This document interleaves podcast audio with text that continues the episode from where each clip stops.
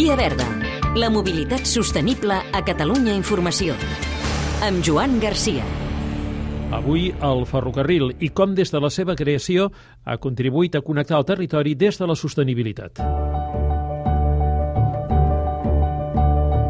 Al principi, un canvi en la relació espai-temps. Luis Ubalde, doctor en Enginyeria de Camins per la UPC, autor del llibre El ferrocarril de la Rodalia de Barcelona, dels orígens a la creació de Renfe, editorial F2. Abans del ferrocarril, per anar de Barcelona fins a Mataró, fins a Granollers, fins a Martorell, doncs gairebé s'havien d'emprar de, de l'ordre de 4 a 6 hores. Amb el ferrocarril, aquest temps va quedar escurçat a menys d'una hora. Per tant, doncs, va haver un, canvi substancial en, eh, en les prestacions de, de viatge. També el, el ferrocarril doncs, va permetre, eh, en aquesta línia, va permetre doncs, que, que les persones es poguessin desplaçar. I, fins llavors hi havia moltes persones que no es movien de la seva vila. Els primers trens van contribuir a posar en comú un horari oficial. El ferrocarril obligava per condicions de l'explotació que, que hi hagués diguem, una hora comuna entre les diferents estacions que estaven ateses per una mateixa línia. O sigui, quan fossin les 5 de la tarda, a les 5 de la tarda fossin eh, puntualment al mateix lloc a l'estació de Mataró i l'estació de Barcelona. Les relacions que hi havia entre les ciutats doncs, no anaven de, de que hi hagués una precisió a l'hora de mesurar el temps.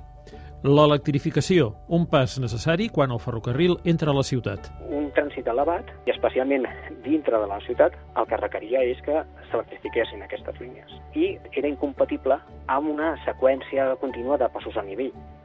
És, diguem en una ciutat on hi havia carrers que travessaven la, la via i, per tant, hi havia una confluència de trànsit urbà, de, de vianants i de carros i altres vehicles rodats, eh, amb el ferrocarril.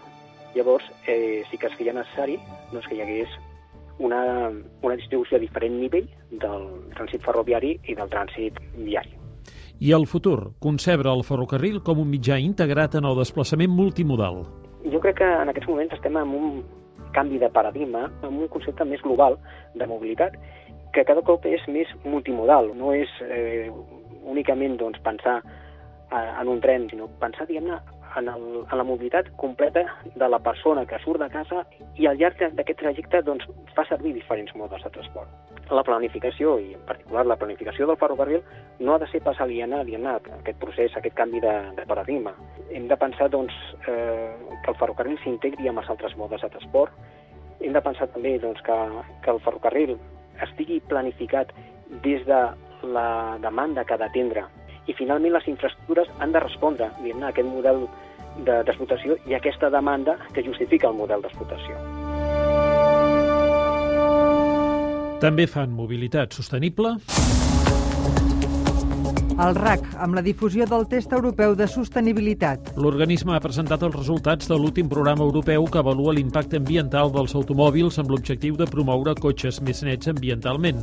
Dels 24 vehicles analitzats aquest any, els més ben puntuats han estat el Hyundai Kona i el Renault Zoe, tots dos elèctrics. L'Associació de Municipis per la Mobilitat i el Transport Urbà, amb el nou servei de bus a demanda a Abrera. Els usuaris el poden reservar a través de l'app TATCAT, amb només 10 minuts d'antelació.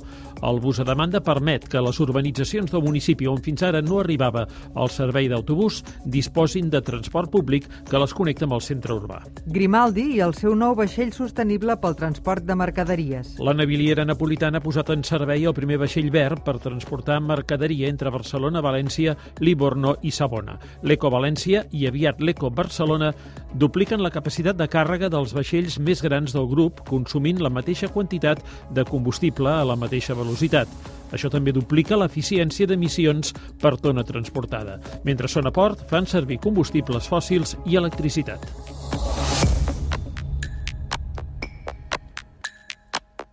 Hem de tendir a Invertir per fer aparcaments pròxims a les estacions de transport públic. Els Park and Ride han de contribuir a fer més fàcil el transport intermodal per entrar a la ciutat si es vol sortir de casa amb cotxe, bicicleta o patinet. Via Verda, disponible al podcast i a catradio.cat.